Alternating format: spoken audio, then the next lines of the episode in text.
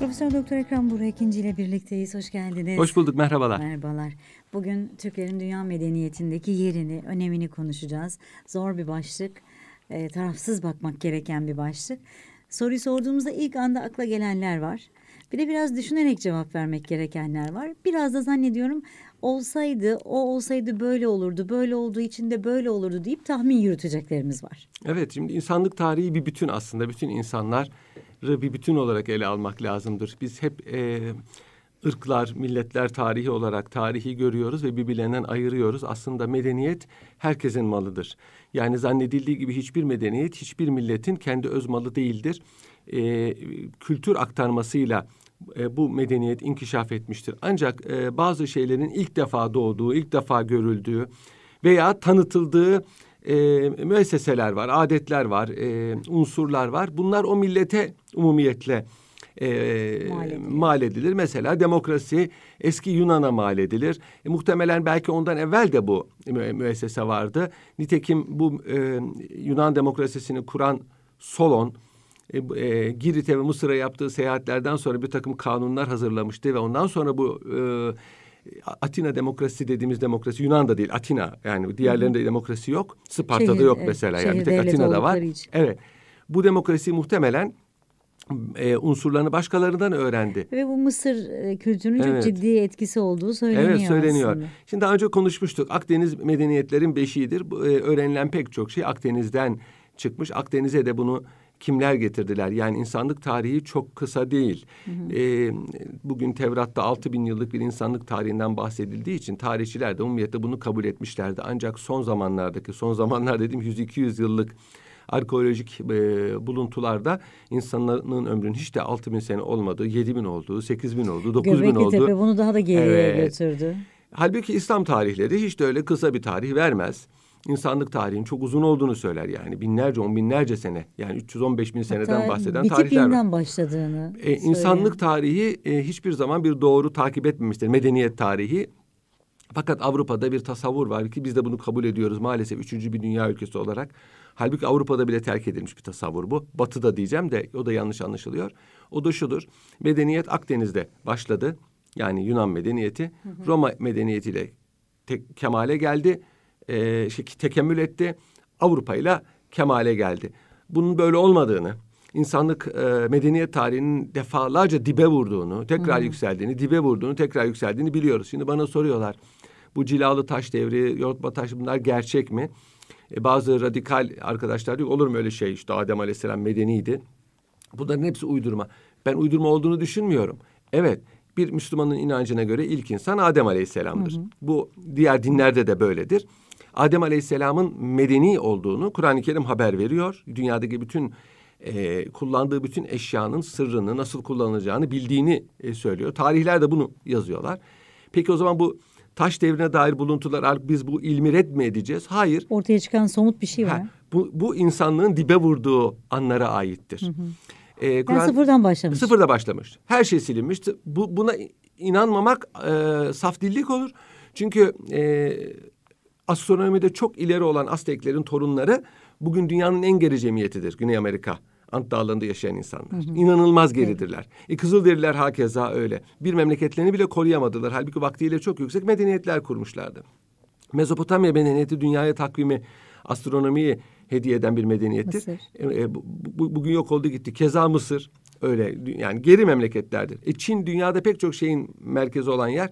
Şu anda Amerika'nın desteği ayakta duran bir yer. Yani medeniyet hiçbir zaman o anlatıldığı gibi bir doğru, grafik doğru kaydetmemiştir. Kur'an-ı Kerim'de Nuh peygamberin gemisinin e, motorlu olduğu anlatılıyor ve Faret Tennur evet e, inanan inanır ayrı mesele ama mukaddes kitaplar aynı zamanda birer tarihi vesikadır. Tarihçiler bunları ihmal etmezler. Demek ki insanlık tarihi dibe vurmuş, tekrar yükselmiş, dibe vurmuş, tekrar yükselmiş. Bu Atlantis kıtası, Mu kıtası gibi efsanelerinde çok da ihmal edilemeyeceğini gösteriyor. Yani onun için e, bu mümkündür. İnsanlar çok iptidai hayata dönmüş olabilirler. E, Biz öyleydik. Osmanlılar çok estetik insanlardı.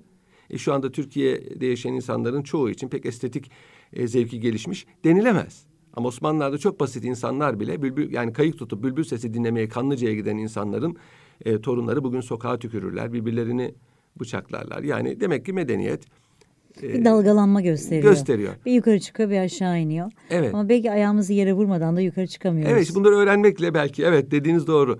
Şimdi e, her milletin cemiyete, e, medeniyete bir katkısı var. Az veya çok. E, herkesten bir şey öğreniyoruz derdi eskiler. Hiç kimseden bir şey öğrenmeyi küçümsememek lazım.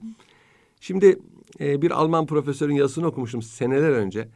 Biraz mizahi bir dille ama ilmi bir tespiti vardı. Diyordu ki Türklerin dünya medeniyetine hiçbir katkıları olmasa sadece yoğurtu bulmaları yeterli, kafidir. Buna bile sahip çıkamamışız. Yunan yoğurdu Maalesef, olarak maalesef. Bizim ha- adlandırılıyor. halimiz öyle. Şimdi yoğurt malumunuz çok kıymetli bir bağırsak antiseptiğidir ve muadili yoktur. Ee, bizim sofralarımızda hiç eksik olmayan bir gıdaydı. Şimdi bakıyorum ben yoğurt evine girmeyen, yoğurt hiç yemeyen çok insan var. Ee, mesela süt içiyorlar. Halbuki süt içilmez. Süt çocuklar içindir. Yani anne süt çocuğunu emzirir. Süt içmek çünkü süt ağırdır, hazmı zordur. E, herkes kaldıramaz. İşte okullarda dağıtıyorlar çocuklara. Ben diyorum ya bu kadar ahmakça bir şey olamaz. Çocuklara yoğurt dağıtın. Niçin siz süt Ayran, dağıtıyorsunuz? yoğurt. Ayran dağıtın, yoğurt dağıtın. Herkes sever yoğurdu veya süt. Sevmeyen şekerlisi olur. Bilmem işte her ne kadar çok sıhhatli değilse de meyvelisi olur. Ama süt dağıtılmaz çocuklara. Sonra duyuyoruz çocuklar zehirlendi bilmem ne oldu. A- alerjisi varmış ilahir. E, yoğurt böyle bir ismi bile yoğurt yoğunlaştırmaktan geliyor. Sütün yoğunlaştırılmış hali Türkçedir ve bu isimle yoğurt ismiyle bütün dünyada biliniyor, tanınıyor ama dediğiniz gibi şu anda biz e, e, mirasını reddeden bir cemiyet her şeyini kaptırır. Yani yoğurda niye Yunanlılar sahip çıktı diye kızmanın manası yok. Peynire de. Peynire, ka- kahveye, lokuma, kara, Karagöz, Hacivat bile ki doğum yeri Türkiye'dir. Belli bu biliniyor. Evet başka yerlerde benzerleri var ama bunun esası burasıdır. Hikayesi bile var. E, Yunanlılar sahip çıkıyorlar. E tabii bir cemiyet reddi miras ederse e, kendisine intikal eden mirası reddederse siz biz Osmanlı'yı Selçuklu'yu kabul etmiyoruz. E, bi- bin asırdan fazla bizi yoğurmuş olan İslam kültürünü yok sa- sayıyoruz. İslamiyet bizi geri bıraktı. E, İslamiyet'te hiçbir şey yoktur. Biz ondan öncesini kabul ediyoruz deyip onu da hiç bilme bilmezse bir cemiyet elbette ki onun e, her şeyine başkaları sahip çıkar. Evet, çünkü çok değerli. Evet değerli. E, yoğurttan e, başlayalım. E, başka yiyecekler de var. Mesela kahve. E, kahvenin ana vatanı Türkiye değil. Türkiye'de kahvenin yetişmesi im- imkanı yok. Ama dünyaya kahveyi tanıtan Türkler olmuştur. Bu da yani tarihi bir hakikattir. Kim ne derse desin Türk kahvesi diye bir kahve türü vardır. Evet, kahvenin e, türü ve pişirilme Pişirme yöntemi. yöntemi. evet. Mesela Habeşistan, Yemen, e, Bre- Brezilya kahvenin yetiştiği yerler. İklim çünkü ekvatoryal iklimi istiyor. Ama kahvenin piştiği, e, kahvenin bir medeniyet unsuru olduğu, kahvenin bir zerafet, kahvenin bir e, estetik olduğu e, yerlerin başında, başında İstanbul geliyor. Türkiye, Osmanlı ülkesi geliyor. Ve ne olursa olsun kaybetmediğimiz bir şey Evet, galiba çok zannediyorum. enteresan. Çünkü yanına biraz su küçücük bir lokum hani en iptidai yerde içseniz bile karşınıza çıkıyor. Evet. Ee, çay e, çıktıktan sonra 18. asırda her ne kadar eski Türkler çayı severlerdi ve çayın revacında da Türklerin rolü vardır. Yani geçen bir arkadaş dedi ki Çin İmparatorluğu'na dua mı etmek lazım dedi. Hani çayı Çay çok için. seviyorum. E ben dedim Ahmet Yesevi'ye dua et. Şaşırdı. E dedim evet Çin İmparatoru dedim kazara çayı buldu öyle bir efsane var ama çayın Türkler arasında bu kadar yayılması ve sevilmesinin müsebbibi Ahmet Yesevi'dir. Nasıl oldu? Ahmet Yesevi Hıtay tarafı var. Bugün Çin e, sınırlarında orada yaşayan Türklerin yaşadığı bir mıntıka. Hıtay mıntıkasına gitmişti ziyarete. Sıcak bir mıntıka. Orada e, yoruldu. E, yol kenarına oturdu. istirahat ederken bir e, köylü yanına geldi. Sakallı sarıklı olduğunu görünce. Ey aksakal dedi. Benim hanımım dedi doğuramıyor. Bir dua etsen de dedi doğursa. Eskiden doğurmak zor. Şimdiki gibi tabii tıp e, ileri değil. Ahmet Yesevi de dua etti. Köylü gitti evine geldi dedi ki aksakal Allah razı olsun senin duanın bereketiyle hatta bir muska yazdı götür bu duayı dedi hanımının beline bağlı inşallah doğurur kadıncağız doğurdu. Ey Allah kutlu kişilerin dualarını kabul eder bu, bu normal bir şey. Köylü memnuniyetini e, İsa için davet etti ama tabii doğum olmuş bir eve ne kadar davet edebilirsiniz? Hemen orada e, bir ikramda bulundu. İkramda çay vardı. Ahmet Yesevi Hazretleri çay o zamana kadar hiç görmemişti. Memleketi bugün Kazakistan'da bulunan Yesi yani Türkistan mıntıkasıdır. Çayı içince rahatladı, hafif terledi, rahatladı ve bütün yorgunluğunu unuttu. Bu nedir? Çay. Öğrenince dedi ki e, bu ya Rabbi dedi bu içecek ne kadar güzel bir şey.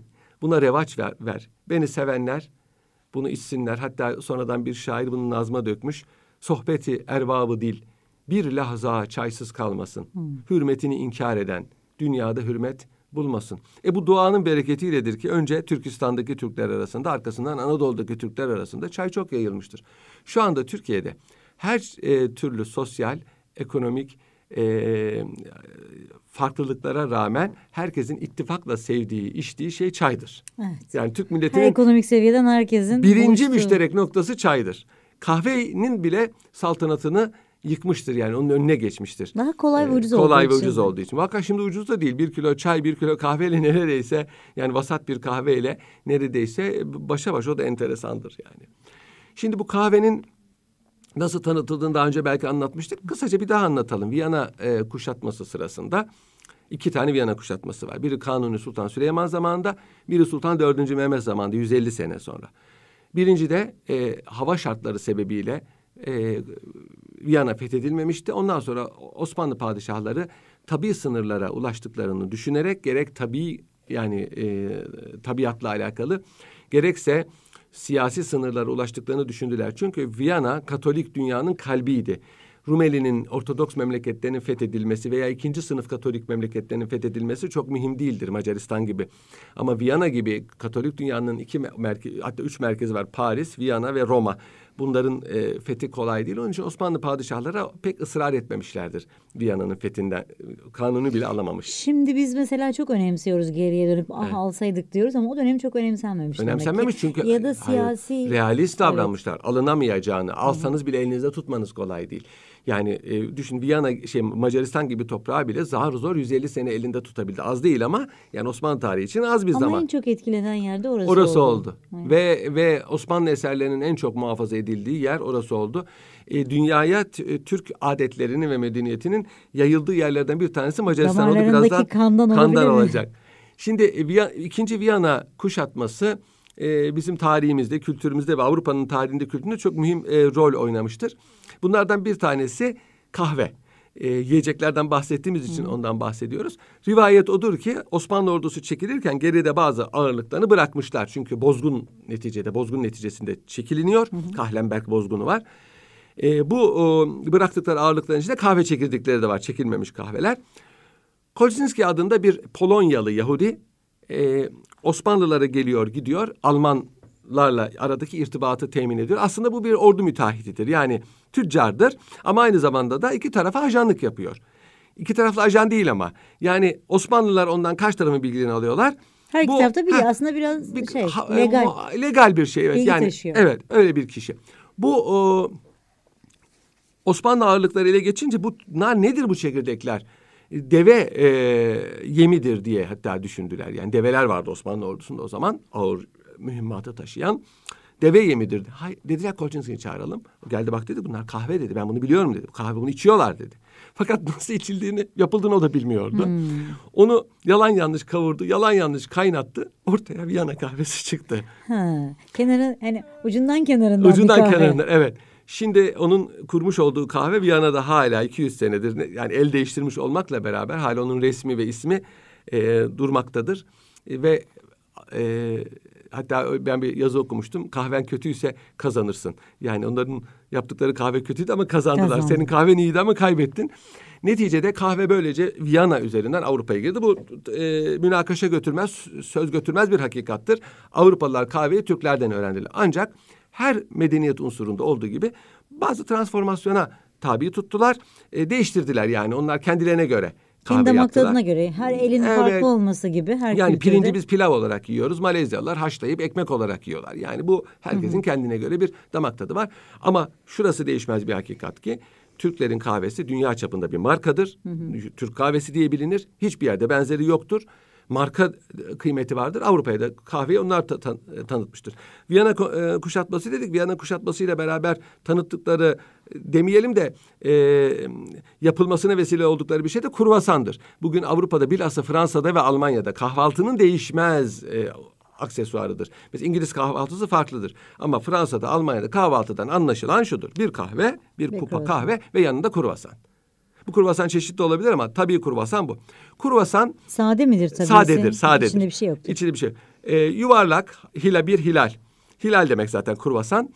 Ee, Osman e, Viyana kuşatmasının e, menfi neticelenmesi üzerine Osmanlılar cihetiyle Avrupalıların onun şerefine hazırlamış oldukları bir e, yiyecektir. Yani biz ha, e, hilal o zaman Müslümanları sembolize ediyor. Haşlası yani. e, onu yiyerek e, Kutluyor. evet, kutluyor. Şimdi bunu bilen yoktur Avrupa'da muhtemelen kruvasanın nereden geldiğini ama Ama biz de bilmeden keyifle Evet yiyoruz. biz de keyifle yiyoruz. Ee, dünya kahvaltı e, dü- medeniyetine Türklerin bir dolaylı hediyesi sayılabilir. Ege'ni Viyana kuşatması derken mehterden bahsetmek lazım. Mehter musikisi Osmanlıların e, otantik musikisidir. Evet evveliyatı var. Selçuklularda, İranlılarda da benzeri var ama Osmanlılar bu bandoya kendi havalarını vermiştir. Ve mehter Osmanlı'ya mahsus bir askeri bandodur ki Osmanlı Devleti zamanında kaldırılmış. Cumhuriyetten sonra 1952 yılında tekrar ihdas edilmiştir. E, mehter askeri bir bandodur. Sulh zamanında da var ama asker savaşta daha çok rol oynar. Köstler vurur, askeri cesala- cesaretlendirir ve en mühimi karşı tarafın moralini bozar. Mehter en uçta durur. Yani düşman mevzilerine en yakın e, atış mevzisine çok yakın ama ondan uzak bir yere konur. Orada devamlı nöbet vurur. Yani konser verir. Bu konserle karşı tarafın morali bozulur. Viyanalılar bunu dinleye dinleye e, mehter musikisine bir aşinalık kesbettiler. Ve çok meşhur e, Viyanalı besteciler Mozart gibi, Beethoven gibi, e, Haydn gibi, bunlar Gluck gibi e, Türk marşı bestelediler. Mehter ma- e, marşlarından istifadeyle. Sadece bir tane Türk marşı yok mu? Hayır çok var. Şimdi Beethoven'ın var, Haydn'ın var, Gluck'un var, Mozart'ın var, daha başkalarının da var. Türk marşı adıyla çeşitli e, e, besteler var. Bu e, mehter bandosu Avrupa'da müzik e, tarzını değiştirmiştir. O zamana kadar Avrupa'da yaygın olan barok müzik yerini Viyana klasikleri dediğimiz işte Mozart, Haydn onlara e, dön, dönüştürmüştür. Müzik koloklar diyor ki bunda Avrupalıların bilhassa Viyanalıların mehterle e, karşılıklı Temas. tesirleşmelerinin temasının büyük bir rolü vardır diyorlar. Ee, siz gelmeden önce ben de teknisyen arkadaşlarıma sordum benzer bir soruyu. Ne olurdu dedim. Ee, belki kendi aramızda bir yayına girmeden önce konuştuk. Mesela e, Müslümanlık böyle olmazdı diyenler oldu. Çin Seddi mesela. Sonra genç arkadaşlarım yine dünya üzerindeki dört büyük devletin dünya tarihini yönettiğini söylediler. İşte Çin, İngiltere, onunla beraber Türkiye'de var arasında. Biraz bunları konuşalım istiyorum şimdi. Hay hay. Ee, şimdi e, Türklerin Müslümanlığa katkıları belki ayrı bir program konusu ama şurasını bir şurası bir hakikattır ki evet Türkler Müslüman olmakta çok şey kazanmışlardır. Bugün Türk milletinin öyle veya böyle güçlü bir şekilde var olmasının en mühim amillerinden bir tanesi Müslümanlıktır. Bazılarının inancının ve sözlerinin hilafına bu böyledir. Çünkü bir milletin bünyesine uygun bir din o milleti ileri asırlara taşır. Bunun en tipik misali Yahudilerdir. Yahudiler milattan sonra ikinci asırda bütün dünyaya dağıldılar. Ezilmiş ve parçalanmış bir zillet içinde. Bunu Kur'an-ı Kerim haber veriyor. Nüfusları son derece az. Zaten kapalı bir cemiyettir. Dışarıdan insan almazlar. Misyoner bir din değildir. Yayılmasını istemez. Buna rağmen 20 milyon Yahudi var şu anda dünyada. E, uğradıkları soykırımlar ve pogromlara rağmen ayakta kaldılar. Bunlar düşünün Fas'tan Hindistan'a, İngiltere'den Amerika'ya kadar dünyanın her yerine yayılmışlardı. Ve gittikleri yerin dilini ve kültürünü benimsemişlerdi. Buna rağmen değişmeyen tek bir şey vardı. Kuvvetli Yahudi dini. İşte o Yahudi dini onları bir arada tuttu ve bugün dünyaya da oyun kurucu olan bir devlet kurmalarına sebep oldu. Onun için Türklere İslamiyet'in çok katkısı var. Bu tamam. Ama elbette ki Müslümanlık Allah'ın dinidir. Allah dinini korur ama her şey sebeplerledir. E, Türklerin Müslüman olması Müslümanlığı bugüne taşımıştır. Bunu en çok da Araplar bilir ve söylerler. Aklı başında Arap alimleri Türkler İslam'ın bayraklarıdır e, diyorlar ve mesela ehli sünnetin bir kere muhafazası Türkler sayesinde olmuştur. Türkler olmasaydı Nedir ehli sünnet? ehli sünnet nedir? E, Hazreti Peygamber'in ve eshabının inancını benimseyen insanlara ehli sünnet deniyor. Hazreti Peygamber'in e, ve eshabının inancından ayrılanlara ehl sünnetten ayrılmış deniyor. Bunlar ba- bazı prensiplerdir. Mesela Hazreti Eshab-ı Kiram'ın hepsini sevmek, hepsini büyük bilmek ehl sünnetin şiarıdır. Bunları ayırmak, bazılarını sevmek, bazılarını sevmemek ve hiçbirini sevmemek mesela insanı ehl sünnetten çıkarır. Mesela günah işlemek insanı dinden çıkarmaz. Bir insan iman ederse günahın da günah olduğunu bilir de günah bilir de günah işlerse buna günahkar denir. Mümin eğer hayır dinden çıkar derse bu ehli sünnetten çıkar. Kafir de denmez buna ama ehli sünnetten çıkar. İman artmaz ve eksilmez. Ben Allah'a inanıyorum ama peygambere inanmıyorum. Allah'a peygambere inan, ahirete inanmam. Böyle olmaz. İman Ama ya bütündür. evet. İman bütündür. Mesela bütün bu prensipler ehli sünnetin şartlarıdır. Mesela kabir azabına inanmak, Mehdi'nin geleceğine, İsa Aleyhisselam'ın diri ve olduğuna ve ineceğine inanmak, şefaate inanmak, tasavvufa inanmak bunlar hepsi ehl sünnetin prensipleridir. Osman e, Türkler sağlam bir ehl-i sünnet inancını benimsediler. Nitekim Sultan Alparslan'ın sözü çok meşhurdur. Biz Türkler temiz Müslümanlarız. Bid'at yani dinde sonradan ortaya çıkan yenilik nedir bilmeyiz. Onun için Allah bizi aziz kıldı. Bu azizliğin tesiriyle mesela Abbasi halifesi Şiilerin tahakkümüne girmişti. Selçuklar onları kurtardılar. Eğer Selçuklar olmasaydı o günkü Şii Türkler. te- tesiri devam ederdi ve bugün Müslümanlık tamamen Şiilik olurdu. Aynı şey Yavuz Sultan Selim için de caridir. Türk birliğini bozan ve İslam birliğini bozan Şah İsmail'i yenerek büyük bir felaketin önünü alan Yavuz Sultan Selim olmuştur. Bu olmasaydı bugün Türklerin büyük ekseriyeti e, Şiileşmiş, ehl sünnetten uzaklaşmıştı. Haçlıları durduran Türkler olmuştur. Haçlılar ol, eğer galip gelselerdi bugün e, Müslümanların yaşadığı mıntıkalar da e, Malta gibi Arapça konuşan Hristiyanlar yaşıyor olacaktı. Kuzey Afrika'yı Türkler kurtardılar İspanyolların Portekizlerin elinden. Bunları bilmezler. Yani Türkler gidip de Cezayirlerin devletini yıktı. Tunusların devletini yıktı. Mısır öyle bir şey yok. Oralar or- Bizansların ve e, Portekiz İspanyolların Kurulmuş hakimiyetindeydi. devletler Kurulmuş yoktu devletler orada. yoktu. İşgal altındaydı ve kaderi de buydu. Malta'ydı. Arapça konuşan Hristiyanlar. E bunları Türkler korudular. Moğollar kendilerini feda etmek pahasına Moğolları durdurdular ve Moğolları Ve Moğollar Absorbe dediğin, ettiler. Moğollar dediğiniz Dünyanın de en yani felaketi. En, savaşçı. Dünyanın en felaketi tarihte Moğollar gibi bir felaket görülmemiştir. Moğol fitnesi gibi. yani başka bir e, millet olsaydı karşısında belki Duramazdı. dünya tarihi Duramazdı, yok olurdu. Tamamen e, düşünün Moğolları durdurdular. Yenilme pahasına durdurdular.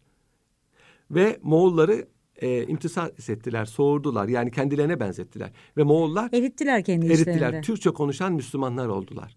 Bunun tarihte bir benzeri daha yoktur. Evet galiplerin mağluplara benzediği örnekler var. Mesela Gotlar Romalıların dinini almıştır. Ama mesela kültürünü almamıştır. Mesela Gotlar Romalılaşmamıştır.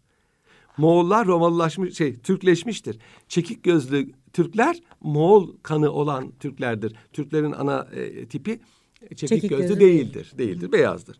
Şimdi Müslümanlığa olan katkıları çok geniştir. Bunu hatta be- belki başka bir programda konuşmamız icap eder. Ama mesela Çin Seddi. Yani e, bir doğrudan e, katkıları var, bir de dolaylı katkıları var. Mesela bugün uzaydan bakıldığı zaman görülen Tek eser. tek eser Çin İnsan Seddi'dir. yapımı. İnsan yapımı. Çin Seddi ins- e, Türklere karşı yapılmıştır. Yani Türklerin Çin gibi dünyanın en güçlü memleketlerinden biri Türkleri durdurabilmek için Çin Seddi'ni yapmak mecburiyetinde kalmıştır. O zamanın teknolojisini, o zamanın emeğini, emeğini insan düşünün, gücünü, insan düşünün, sayısını insan düşünün. sayısını düşünün ve bugüne kadar kalan en uzun su, e, surlar bunlar ve muazzam eserlerdir.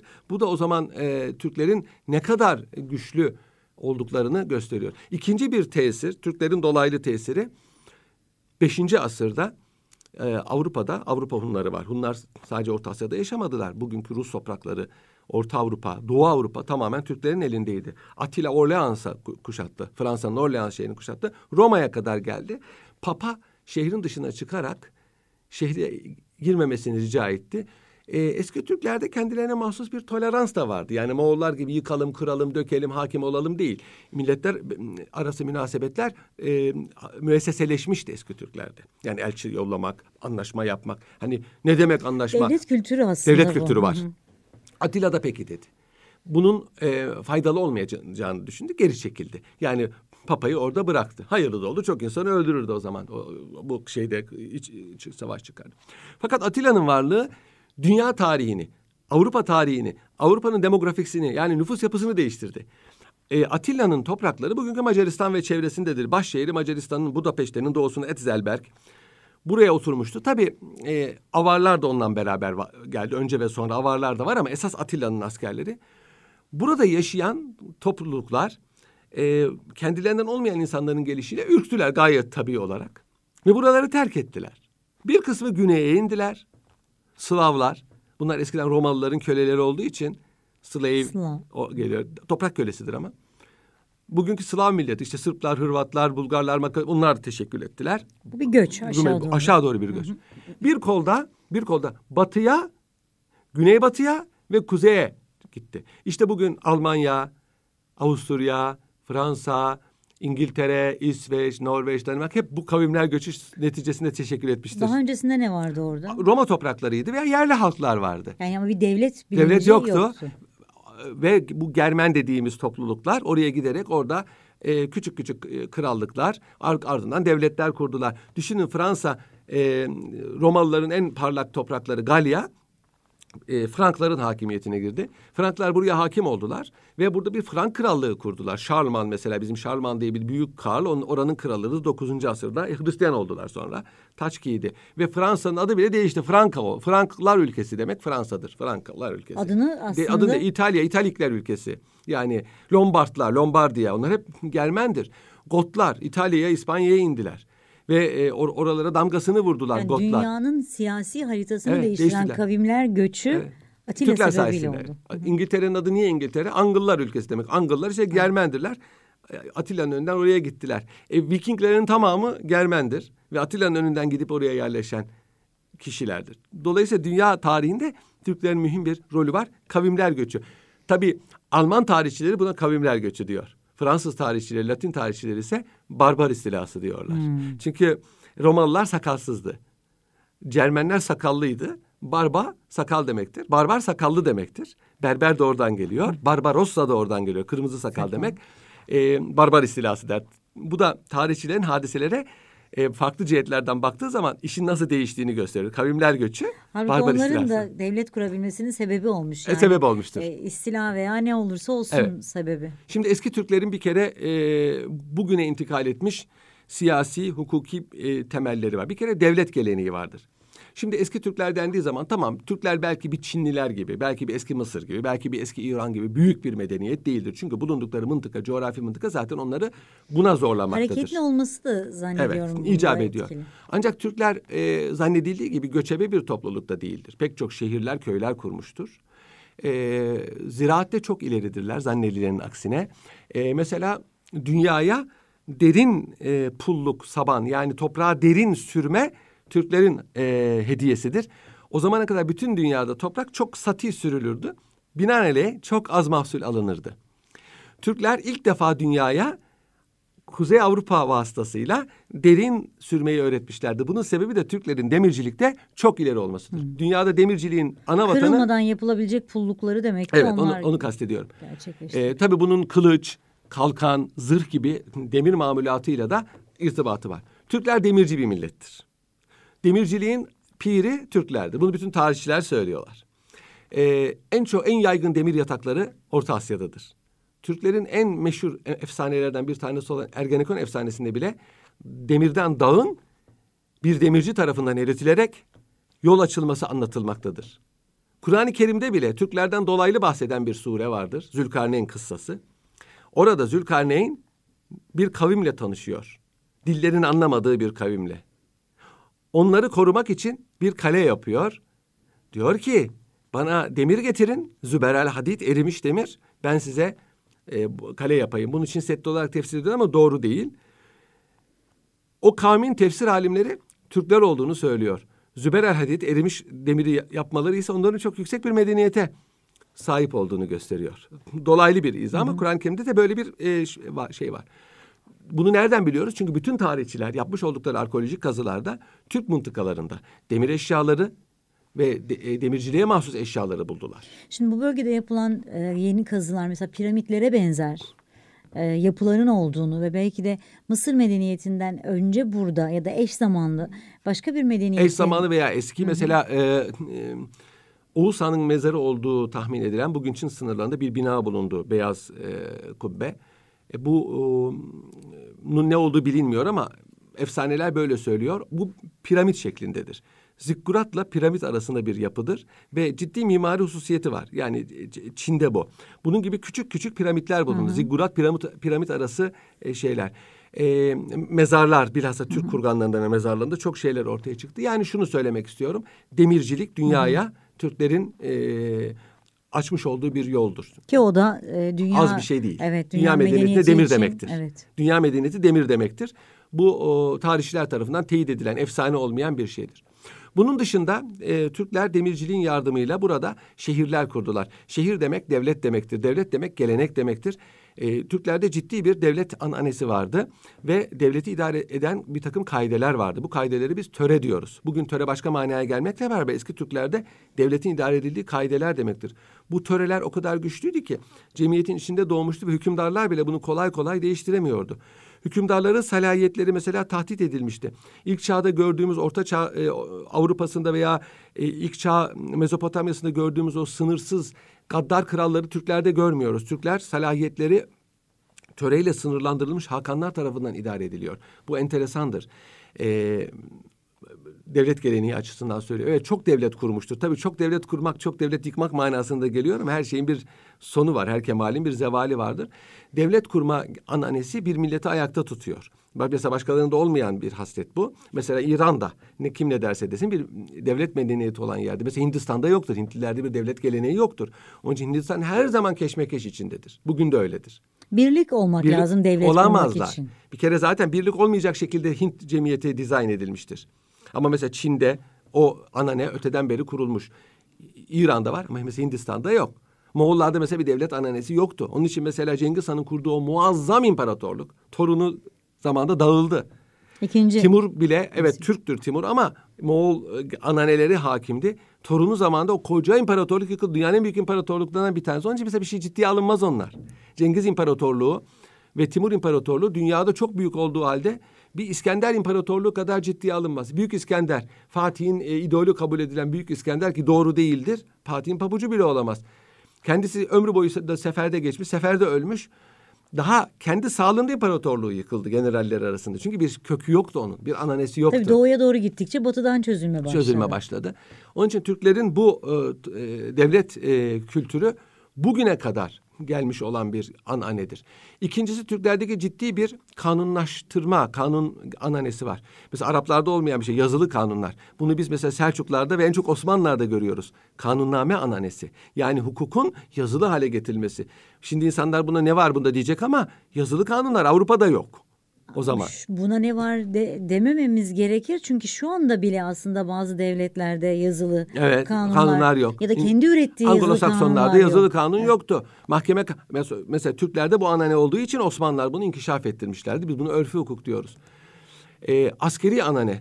Ee, şimdi mesela Türk ordusunun ananesi eskiden şeye bağlanırdı. Ee, Orhan Gazi zamanında veya Murat Hüdavendigar zamanında Yeniçeri Ocağı'nın kurulmasına bağlanırdı. Benim çocukluğumda Osmanlı ordusu yani 600-700 senelik bir anane. Fakat e, 70'ten sonra bu değiştirildi. Şimdi 2200'e bağlandı. Ee, Oğuzhan zamanında dizayn edilen Hun ordusuna bağlandı ki bence yanlıştır. Yani bu o, orduyu 2200 yapıyorsunuz. O zaman her şeyin menşei eskiye gider.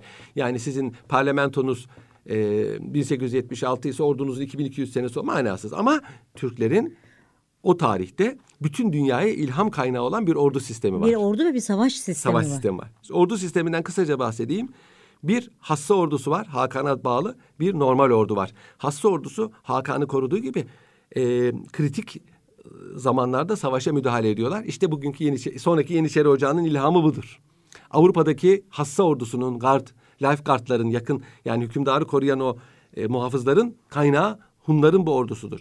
Roma'da yoktu bu. Benzeri vardı ama bu yoktu. Diğerleri de normal toprak ordusudur. Yani toprağa eker biçer, İhtiyaç ihtiyaç duyulduğu zaman çağıran ordudur. İkincisi hazine. Bir hükümdarın hususi hazinesi vardır, bir devlet hazinesi vardır. Mesela Avrupa'da bu bilinmiyordu.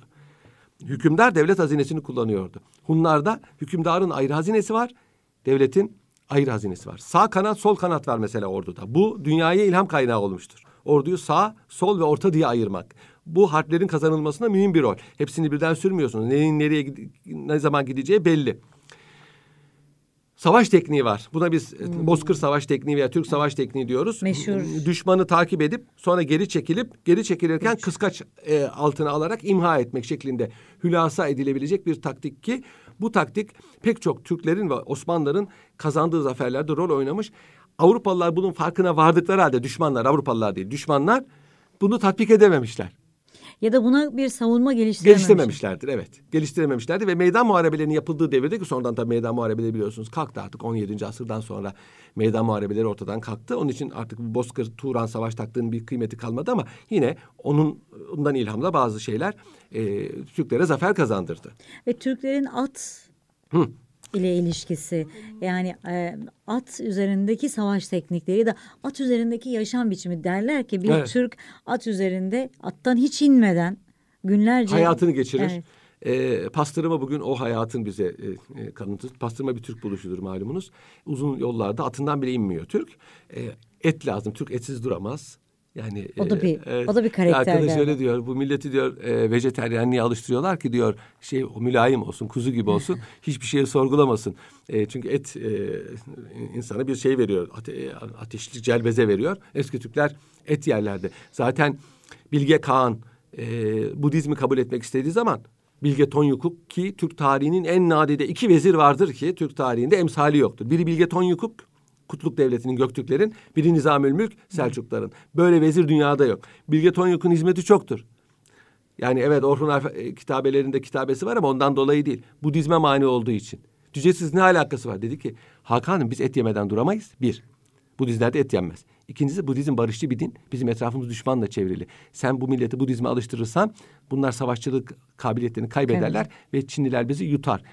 Dediği oldu Tibet. Tibet'i yuttu mesela Çinliler. Budist olduğu için. Budizmin merkezi Tibet'tir biliyorsunuz. Et yemedikleri, savaşçı olmadıkları için Çinliler bir mukavemetle karşılaşmadan koca dünyanın en eski medeniyetlerden birisi olan Tibet'i yok ettiler. Yok ettiler. Bu Bilge Tonyukuk'un hizmeti olarak tarihçiler söylüyor. Bu benim yorumum değil. Bunu tarihçiler söylüyorlar. Şimdi e, pastırmayı da zaten adı üstünde bastırma eğerle e, atın derisi arasına konuyor beze sarılıp orada pişiyor bu çemenle. Hareket Hareket. Ve çiğ ettir bu. Pişmiş çiğ et. E, şarküteri yani. Bunu yiyor Türkler. Bakın pastırma bile Türklerden kalma bir anane. Türkler at üzerinde yaşarlar, at üzerinde ölürler. At üzerinde ölmemek bile bir Türk için onur kırıcı bir ölümdür. Yatağında ölmek onur kırıcı bir ölüm. Küçük yaşta çocukken ata binmeye başlar. Doğduğu zaman isim konulmaz Türklere. Takma bir isimle anılır. Geçici bir isim. Geçici bir isim. Ne zaman bir kahramanlık gösterirse ki o kahramanlıkların hepsinde de bir at vardır. Oğuz destanına bakarsanız atı evcilleştiren Türklerdir.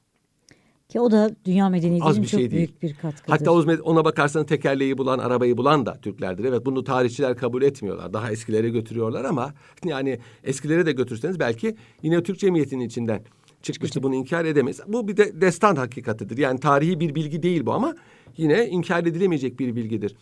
Ee, Türklerin Hmm, sadece bu hususlarda değil mesela e, bazı medeni me- meselelerde de e, ehemmiyet. Mesela 12 e, hayvanlı Türk takvimi var. Orijinal bir takvimdir. Türklere mahsus bir takvimdir. Her ay bir e, hayvanla ve her e, yıl bir hayvanla ifade ediliyor ve olabildiğince Çin takvimi Çin takvimine benzer mi? benziyor. Benziyor. Yani Ama mesela Türk bu Türk takvimi unutulmuş ama Çin takvimi yaşıyor. Şimdi herkes diyor ki onu Çinlilerden öğrendiler ama Çin takvimiyle bunun arasında ciddi farklar var. Peki Çinliler niye öğrenmiş olmasın? Öncesini bilmiyoruz. Yani Türklerden çünkü hayvanlarla bu kadar aşırı neşir olan Bu Türkler. da bizim edinilmiş çaresizliğimiz herhalde. Evet. Ne zaman iyi bir şey varsa birinden öğrenmişizdir Bir diye dakika kabul diyorsun ediliyor. yani e, Çinliler varken Çinliler varken yani Türkler mi bulacak? Ama değil.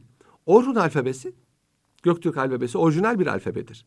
Evet runik bir alfabe diğerlerine de benziyor ama bu mesela mesela Uygur alfabesi öyle değil. Uygur alfabesi Sanskritçeden yani Hindistan'da cari olan Sanskritçeden ilham alınmıştır. Fakat Orhun alfabesi öyle değil. Çok inkişaf etmiş bir alfabedir. E, harf sayısı fazladır. Hatta harf inkılabı zamanında teklif bile ettiler Orhun alfabesini almamızı da. E, Kemalist inkılabın ana fikri ileriye gitmek değil, batılılaşmak olduğu için onlar hayır dediler. Biz Latin alfabesini alacağız. Bizim derdimiz batılı olmak, ileri Entegre gitmek olmak. değil. Evet, onlara entegre olmak dediler. Bu az bir şey değildir. Şimdi yani astronomide Türklerin yayı olmadığını zaten İslamiyet'i kabul ettikten sonra en nadide astrologlar, astronomlar Türklerden yetişmiştir. Ulu Bey Zici 18. asra kadar Avrupa'nın da itibar ettiği bir ziçti. Yani yıldız hareketlerini gösteren bir tablo de- demek istiyorum. Ulu Bey'in rasathanesi vardı Evet. Semerkant'ta. Keşke hepimiz görebilsek. Evet. Yani harabeleri duruyor. Şimdi bazı yerleri imar etmişler. Restore etmişler. Restore ettiler ama yani orijinali değil. Yani ye- yer olarak belli. E, ve bu e, kimden öğrenirse öğrensin. Hint tesiri diyorlar. Çin tesiri diyor. Kimden öğrenirse öğrensin. Astronomik esasları sistematize eden Türkler olmuştur.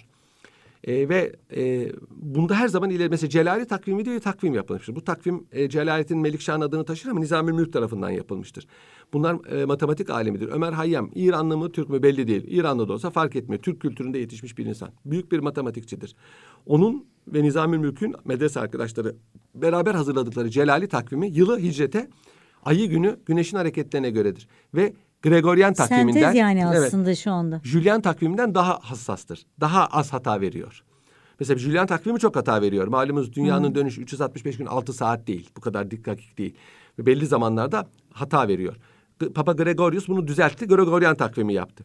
Celali takvimi de bununla dayanıyor ama enteresandır. Hatası çok düşük.